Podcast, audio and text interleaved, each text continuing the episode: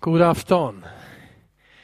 Jag ska dela ett budskap med er. Jag tror att det är ett budskap från Herren eh, som han har lagt på våra hjärtan och eh, jag vet att några av er kommer att säga på en gång ja, det är det. Det här är inte jag som hittar på, eh, det är också någonting som jag hörde någon annan dela eh, i lördags kväll. Det var den sista gången under den sista kvällsbönen under den här 21 dagars perioden som vi har haft. 21 dagar av hopp, 21 dagar av bön, avstå från mat eller underhållning, fasta som det kallas. Just för att Herren skulle tala. Eh, och Någon sa, och för mig formulerade någon ett budskap som jag tror kan vara till dig enskilt och som jag tror är för församlingen. Eh, det här får församlingen pröva. Jag såg innan på min mobiltelefon på Youtube och Facebook att det är ungefär 40 enheter uppkopplade. Kanske ett par personer vid några av dem där så kanske är ni 50 stycken och då är ni ungefär lite drygt dubbelt så många som vi är samlade här på plats. Jag har ett budskap som ni får pröva. Eh, jag, jag, jag säger det liksom i en proklamerande form. Vi ber för dem som ingen ber för. Jag skulle kunna säga vi ska be för dem. Men jag väljer att säga det i den här formen. Vi ber för dem som ingen ber för. Eh,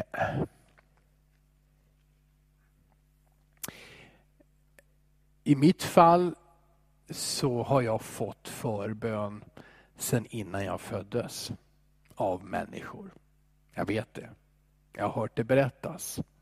Det var sådana som sa det till min mamma när jag låg i hennes mage. Det här är inget ovanligt, det gör mig inte unik. Det är många som har fått det. Människor som har bett för det lilla barn som ska komma eller som blev till eller som ska födas och som växer upp jag är, bär en sån trygghet och en sån övertygelse i mitt liv att jag har blivit så välsignad av Gud för att människor har bett för mig. Och det, skulle jag ta en handuppräckning här på plats och hemma i hemmen inför din apparat så vet jag att många skulle säga ja. Du skulle kunna nämna minst en person, kanske många, som har bett för dig. Eller som du tror faktiskt ber för dig i den här stunden, den här perioden i ditt liv. Eh, det är också så min erfarenhet, och jag menar, jag delar den också med andra, det är att när jag har varit ute på gator ibland och pratat med människor, försökt att komma i samtal om Gud, berätta någonting om Jesus. Eller också andra sammanhang när jag varit på någon fest eh, ja, där jag mött människor men ändå har sökt den här möjligheten. Jag skulle så gärna få berätta för någon om Jesus. När de här samtalen har blivit av, när jag hittat en öppenhet, ett intresse hos människor.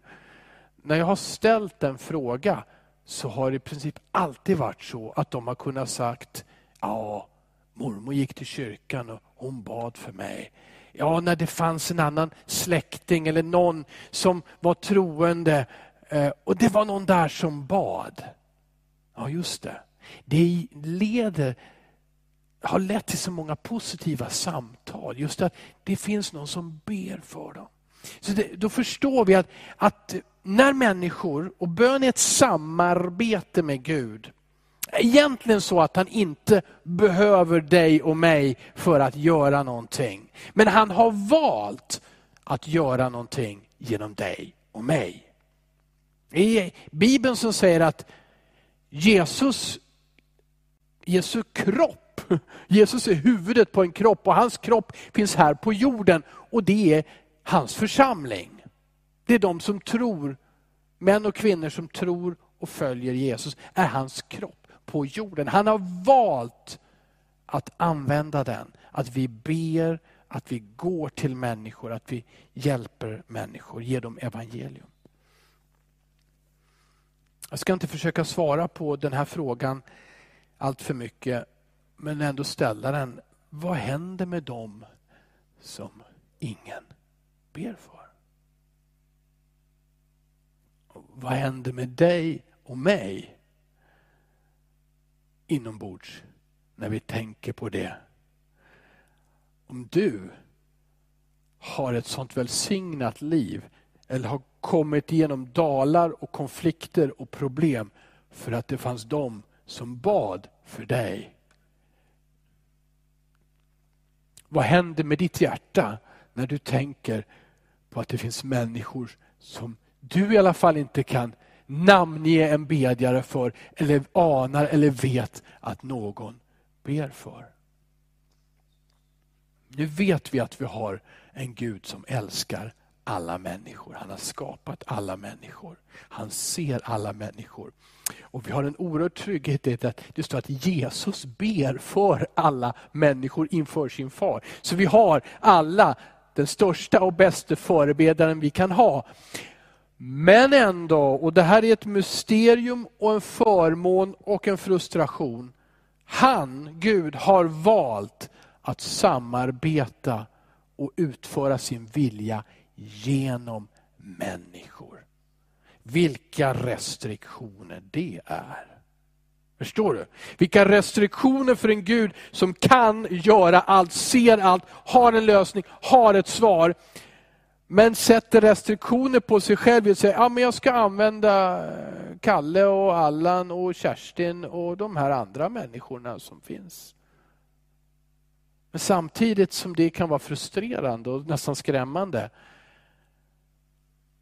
så till dig som är en medmänniska, en bedjare, vilken förmån! Vilket stort, stort uppdrag, förtroende du och jag har fått ifrån himlen. Att han faktiskt kan använda dina böner. Han gör något av dem och han förvandlar människors liv. Han går in i svåra situationer, löser knutar och svårigheter och visar en väg för människor som är förtvivlade. Men vad händer när människor inte har någon som ber för dem? Därför vill jag säga till dig och till oss som församling. Vi ber för dem som ingen ber för. Det här är ett beslut som jag ber dig att pröva och ta. Att be för dem som ingen ber för. Det här handlar om våra medmänniskor i vår stad, eller hur? Från norr till söder, väster till öster medmänniskor här i vår stad som vi kan be för i vårt land, i vår värld. Och i den delen utav, nej, det, i det som är vårt hjärta, att ge evangeliet där vi kan och får till hela världen, utan att tänka för stort om oss själva, men öppna Gud en dörr så vill vi göra det. Och då har vi också för många år sedan tagit ett beslut Ja, vi ska vara uthålliga och trogna där vi har börjat, men vi vill alltid lyfta blicken och nå de folkgrupper som är onådda. De folkgrupper, de människogrupper, det handlar ibland om miljoner utav människor, där det inte finns några kristna, inga kyrkor, ingen som predikar evangelium, ingen som ger dem kärlek på det sättet utan att kräva tillbaka, som bara ger en Guds kärlek och ett glatt budskap. Därför vill vi be för de folk som är onådda. Nu ska jag läsa en story först. Lukas kapitel 15, vers 1-7. Där ger Jesus en liknelse. Och en liknelse det är en berättelse som liknar en andlig verklighet, en princip som liknar eller förklarar Guds hjärta, hur han ser någonting. Och Då läser vi från Lukas 15, vers 1 7. Och först är det bara ett, ett, ett fakta som, som slås fast, ett faktum. Alla tullindrivare och syndare höll sig nära Jesus för att höra honom. Men fariseerna och de skriftlärda kritiserade honom ständigt och sa, den där mannen tar emot syndare och äter med dem.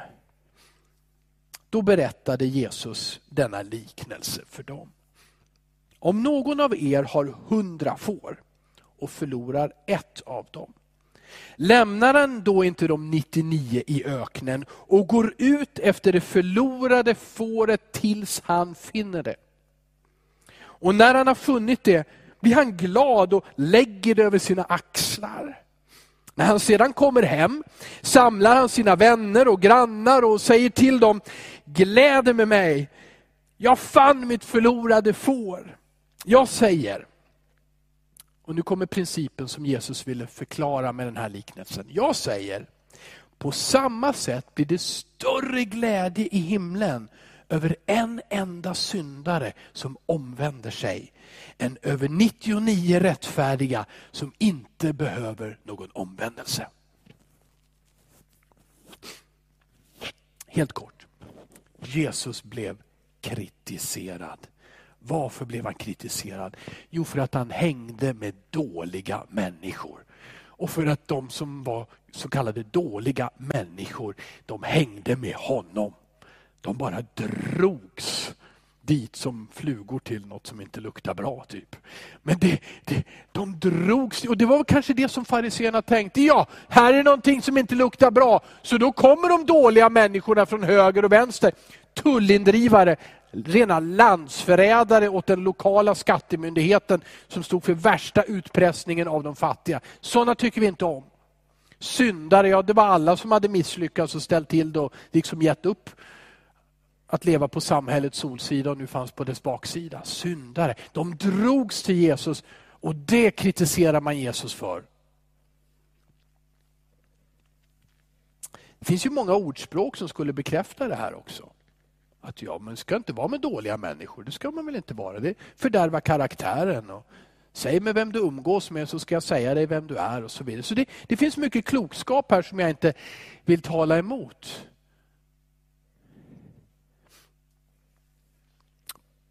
Grejen är den att Jesus var inte med dem för att han älskade deras liv, utan för att han älskade dem. Kanske försökte de bjuda Jesus på en sup de också. Ja, Jesus du är min bäste vän, det är klart du ska ha en. Kanske ville en och annan dra ner Jesus på något sätt, testa honom, pröva honom. Men det var inte, han, var inte, han var inte på fester för att åh, jag skulle vilja pröva lite det här och det kan vara spännande. Han var där för att han såg människorna och älskade dem och det var det som gjorde att de lämnade sina skrymslen, de som gömde sig på samhällets baksida och kom ut i fullt solljus. Så att alla såg dem. Är de här? Varför har de kommit hit? Ska inte de vara där borta i det gettot och gömma sig där? Tyckte de präktiga. Men Jesus var som en magnet för dem. Där bara kom vem som helst. Och de som var pryda och ordentliga, de förskräckte sig. Och Jesus älskade dem och gav dem evangelium, glada nyheter för alla människor. Han såg dem som andra inte ser. Han bad för dem som andra inte bad för. Han gav hopp till dem där andra hade gett upp. Sen den där versen som är fantastisk men samtidigt lite konstig, att han, han gläder sig över en enda syndare som omvänder sig mer än över 99 rättfärdiga som inte behöver någon omvändelse. Nu är det inte så att, att vad Jesus säger här är att han älskar den och han älskar inte de 99. Han bryr sig bara om det där fåret som sprang bort och de andra 99, de är oviktiga. Men jag skulle säga så här då. De 99, det kanske var de som har någon som ber för dem. Men Jesus upptäckte en som inte hade någon som bad för honom eller för henne. Han såg en människa som inte kunde räkna upp på sina fingrar en enda person som aktivt älskade och stöttade. Han ser den. Och därför så är det en glädje för honom när du ser den som ingen ser. När du ber för den som ingen ber för. När du går till den som ingen längre vill hälsa på. Det här är så många berättelser där Jesus möter människor som har precis det här innehållet, det här budskapet, den här tyngden. Vi ska läsa en till utav dem. Vi ska läsa om en tullindrivare som heter Sackeus. Bläddra ett par kapitel, fram till kapitel 19, vers 1 till 10. Och det kommer hända ungefär samma sak. Jesus kommer att kritiseras och sen kommer han att säga att det är det här det handlar om. De utsatta utsatta som ingen ser. Lukas 19, 1-10. Jesus kom in i Jeriko och vandrade genom staden. Där fanns en man som hette Sackeus. Han var förman vid tullen och han var rik. Han ville se vem Jesus var men kunde inte för folkets skull eftersom han var liten till växten. Då sprang han i förväg och klättrade upp i ett mullbärsfikonträd för att se honom eftersom Jesus skulle komma den vägen. När Jesus kom till det stället såg han upp och, och sa till honom, Sackeus, skynda dig ner för idag måste jag gästa ditt hem. Sackeus skyndade sig ner och tog emot honom med glädje. Alla som såg det mumlade förargat. Han tog in hos en syndare. Men Sackeus stod där och sa till Herren, hälften av vad jag har Herre, ger jag till de fattiga. Och har jag lurat någon på något, betalar jag fyrdubbelt igen. Jesus sa till honom, idag har frälsningen kommit till det här huset. För också han är en Abrahams son.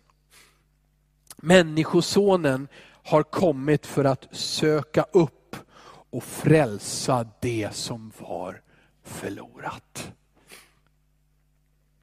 Precis som jag sa i början, att titeln på det här är en proklamation. Jag sa, vi ber för dem som ingen ber för. Så gör Jesus en proklamation över sig själv, eller en deklaration, vem han är. Han kallar sig för Människosonen och han säger, han har kommit för att söka upp och rädda det som var förlorat.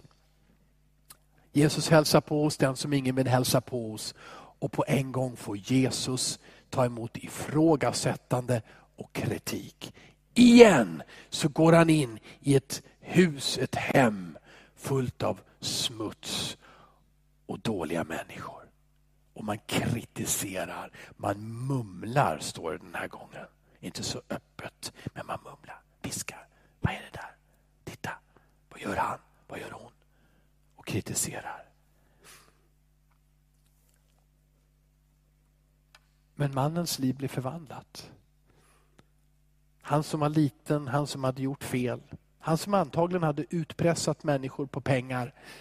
Behandlat dem orättvist, han hade lierat sig också med ockupationsmakten, också en landsförrädare. Han den där lille Sackeus som alla var rädda för, för han var rik och hade makt. Men som innerst inne var en ensam, ensam människa. Ingen ville hälsa på. Jesus hälsar på hemma hos honom. Det är naturligtvis något profetiskt över det här. Jesus kommer till en stad, kanske stor som Eskilstuna, Jeriko. Han går igenom den, han ser en man uppe i ett träd och han vet redan vad mannen heter och säger Sackeus!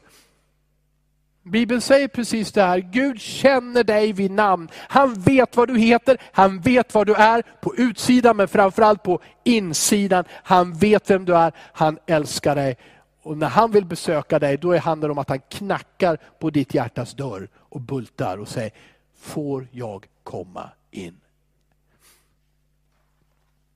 Jesus är verkligen en uppsökare. Han ser dem som ingen ser och han bryr sig om dem som ingen bryr sig. Och Evangelierna är som sagt full av sådana här berättelser. Möten med människor som vi kan kalla för utsatta, åsidosatta, förvirrade, plågade, bundna, fördömda av samhället, fördömda av de religiösa. Möten med sådana män och kvinnor.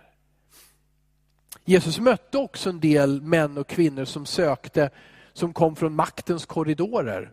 Som var rika på pengar och ägodelar. Men som inte släppte detta. Pontius Pilatus, han hade makt. Han var en sökare, han var en djup sökare. Men han var inte beredd att släppa makten som han hade. Den unge rike mannen som kom till Jesus, som verkligen var en gudssökare, ville leva rätt och göra rätt. Men när Jesus testade, vad, vad klämmer skon? Och sa till honom, ja men det blir enkelt för dig, du har bara en sak kvar att göra. Oh, mannen lös upp, nu ska jag få evigt liv. Du ska bara sälja det du har och ge till de fattiga. Och mannen tar sig för pannan, går olycklig därifrån, står det. Så sökare, människor som söker, finns överallt.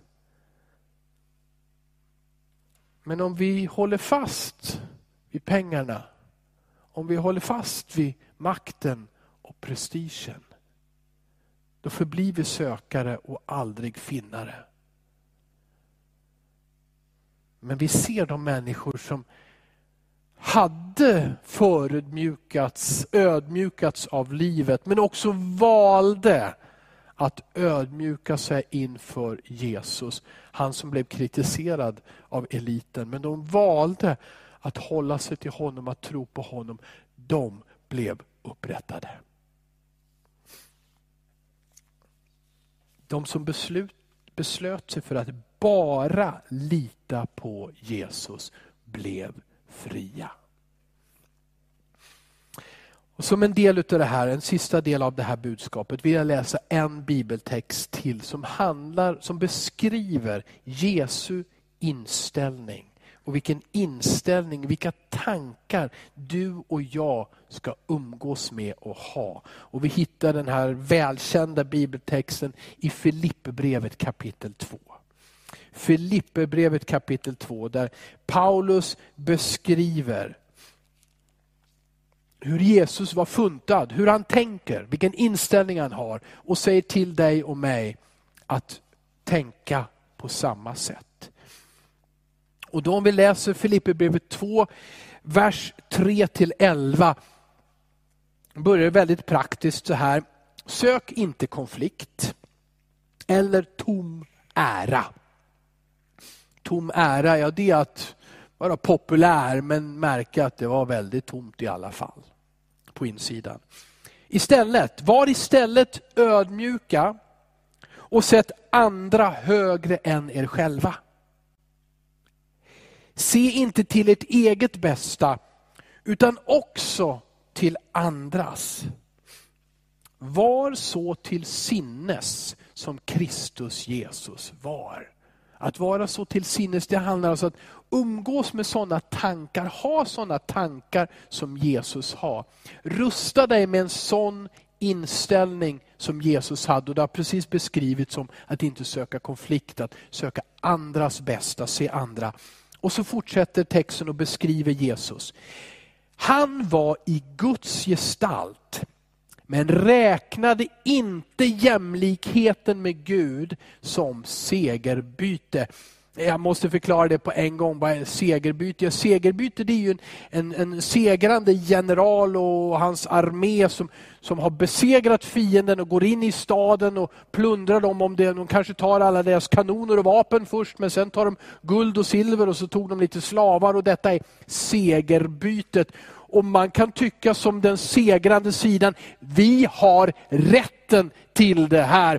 Sverige har ett välkänt segerbyte i Uppsala, det heter den här silverbibeln, eller hur? I silverby, det var när svenska soldater var nere i Tjeckoslovakien, och, nej det hette inte så, i Tjeckien och krigade lite grann i Prag för några hundra år sedan. hittade de en stor fin silverbibel, det här är vårt. Och sen dess så tycker vi att det här är vår silverbibel. Ett segerbyte. Men Jesus som var i Guds gestalt. Han, han är Gud. Han håller inte fast vid det här. Det här har jag tagit, det är, det är mitt nu. Den han gav upp. Han släppte taget om detta allseende, detta allvetande, denna allmakt. Och så står det i nästa vers, han utgav sig själv och tog en tjänares gestalt och blev människan lik. Han blev en människa som du och jag.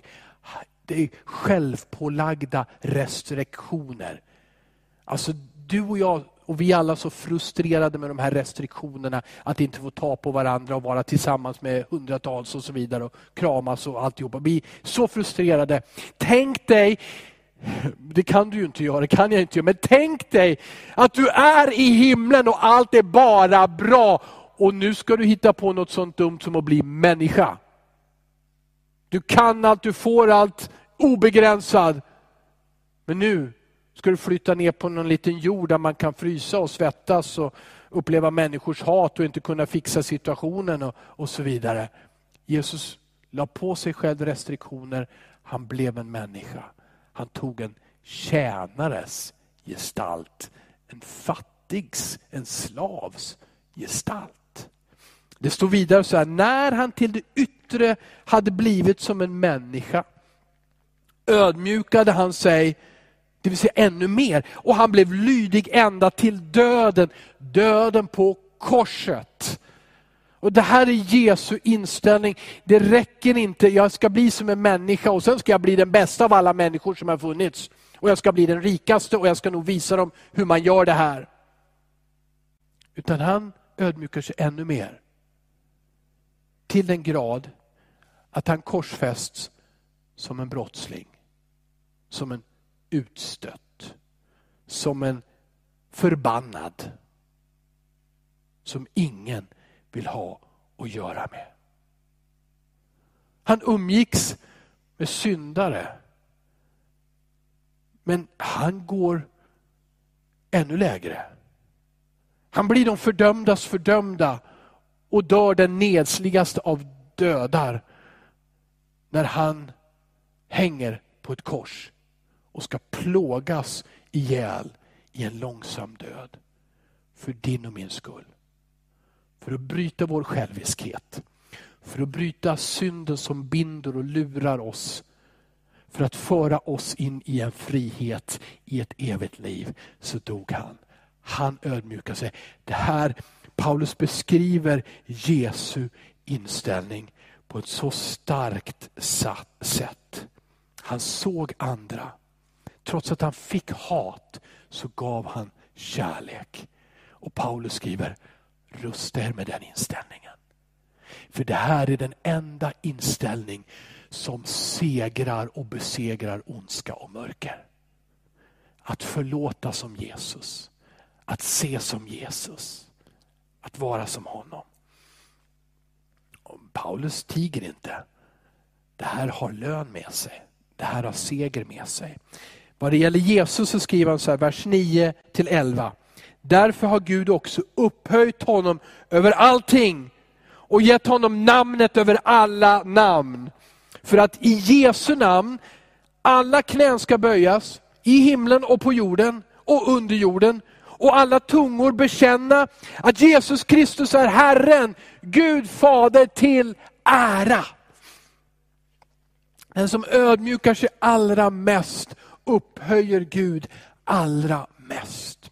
Vi ska inte tävla med Jesus, men vi ska följa i hans fotspår. För att det finns en sån segrares lön, inte i att ta, men att ge.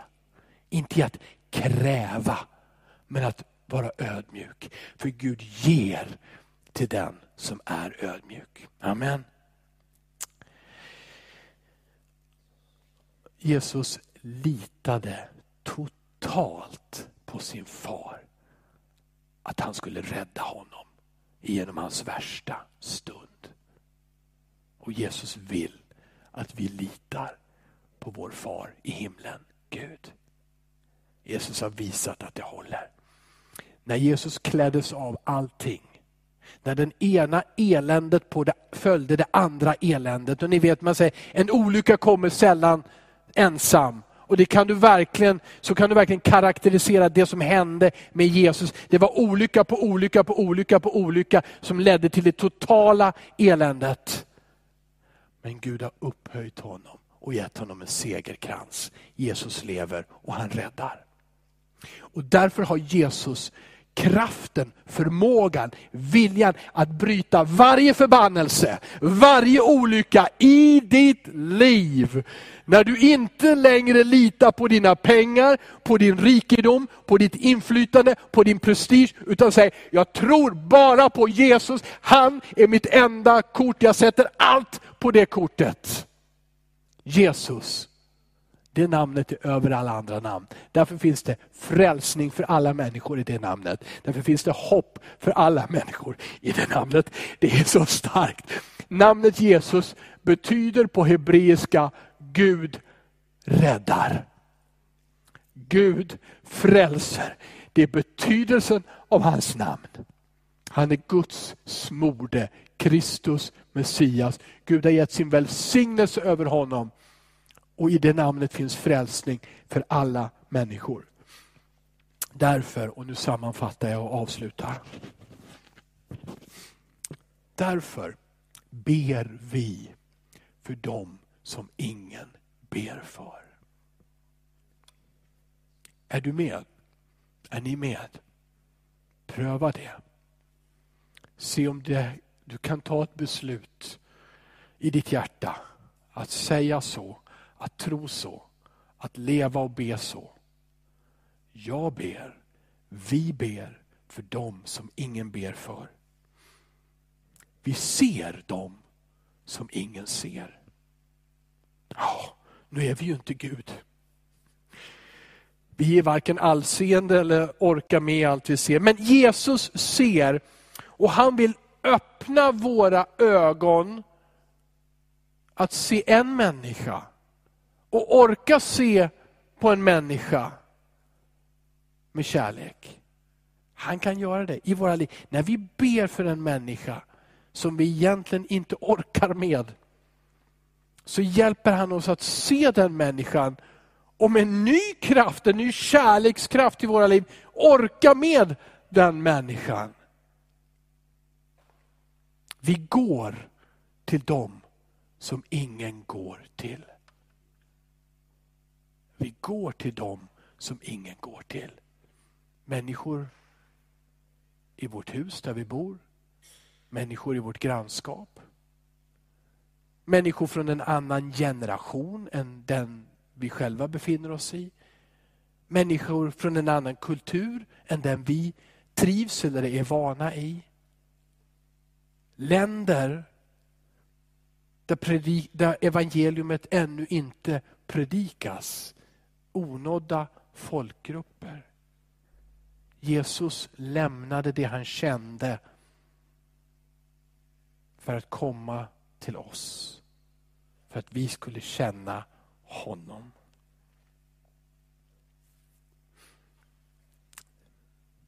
Församlingen är hans kropp.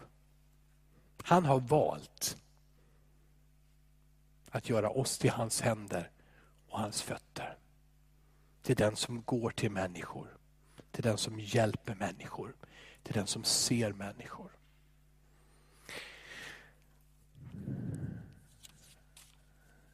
Jag ber, hoppas, vädjar, tror att det här ska prägla oss, ge oss en riktning.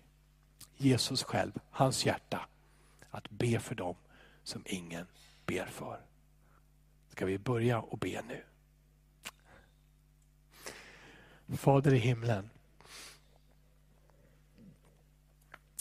Det är bara så här att jag måste säga att det här är någonting som du kan och inte jag kan och inte vi kan. Men ändå, så alla som du frälser tar du upp i din stora familj. Vi blir en del av din kropp och vi får också ett uppdrag och en kraft genom den heliga Ande. Herre, Herre, tack för kärleken till oss. Tack för kraften som har drabbat oss, gjort oss rena i våra hjärtan på ett sätt som vi inte kunde göra själva. Du har förlåtit oss våra skulder och fel, de, de där kända felen och de okända felen. Det som människor vet och det som människor inte vet om oss. Du har förlåtit och renat oss Herre. Jag tackar dig Herre. Du har gett oss en framtid och ett hopp Herre Jesus Kristus. Herre, Herre, men utrustade med dig i våra liv, med din heliga Ande vill vi be för människor som ingen annan ber för. Vill vi se människor som ingen annan ser. Vill vi gå till människor som ingen annan människa går till. Och vi vill bry oss om människor som ingen annan bryr sig om Herre. Det är stora bekännelser och jag, jag baxnar, det är, det är så stort Herre. Men jag bara tror att det är möjligt med dig Herre. Jesus Kristus, hjälp oss var och en att ge våra liv, vår tid, den tid vi har på jorden till dig, till tjänst för dig Herre. Och därigenom för våra medmänniskor. Herre Jesus Kristus, hjälp oss att se och tro att det finns hopp för varje människa. Ingen är förlorad. Det är inte upp till mig eller någon annan att fördöma en människa när du älskar dem och har gett ditt liv för alla, Herre Jesus Kristus. Herre, ge oss en riktning, Herre, när vi tänker på människor i våra hus, i våra grannskap, i vår stad, i vårt land och i denna värld. Ge oss en riktning som församling när vi, när vi bygger vår verksamhet på olika sätt, Herre Jesus. När vi når ut till andra länder i missionen, Herre. Hjälp oss att be och se och gå till de människor som är bortglömda, som inte vill eller borde bli sedda, Herre. Men du vill att vi ska göra det, Jesus Kristus. Jag tackar dig Herre och jag tackar dig för att du upprättar den människa människa nu som vänder sig till dig. Jag tackar dig för att det finns befrielse nu i denna stund för den människa som uttalar namnet Jesus med en längtan, med en kärlek, med en desperation om hjälp. Du hjälper, du räddar, du frälser Jesus. Det finns kraft i ditt namn och vi vill upphöja det namnet Jesus. Herre, vi vill sjunga lovsånger till dig och till ditt namn. Vi vill ära dig Jesus Kristus. Men vi vill också kavla upp ärmarna och vara bland människor, Herre, och ge dem den kärlek som du har gett oss. Det vi har fått har vi fått gratis. Det vi har fått har vi fått utan egen förtjänst. Därför vill vi bara ge det vidare. Hjälp oss Jesus. I Jesu namn. Amen.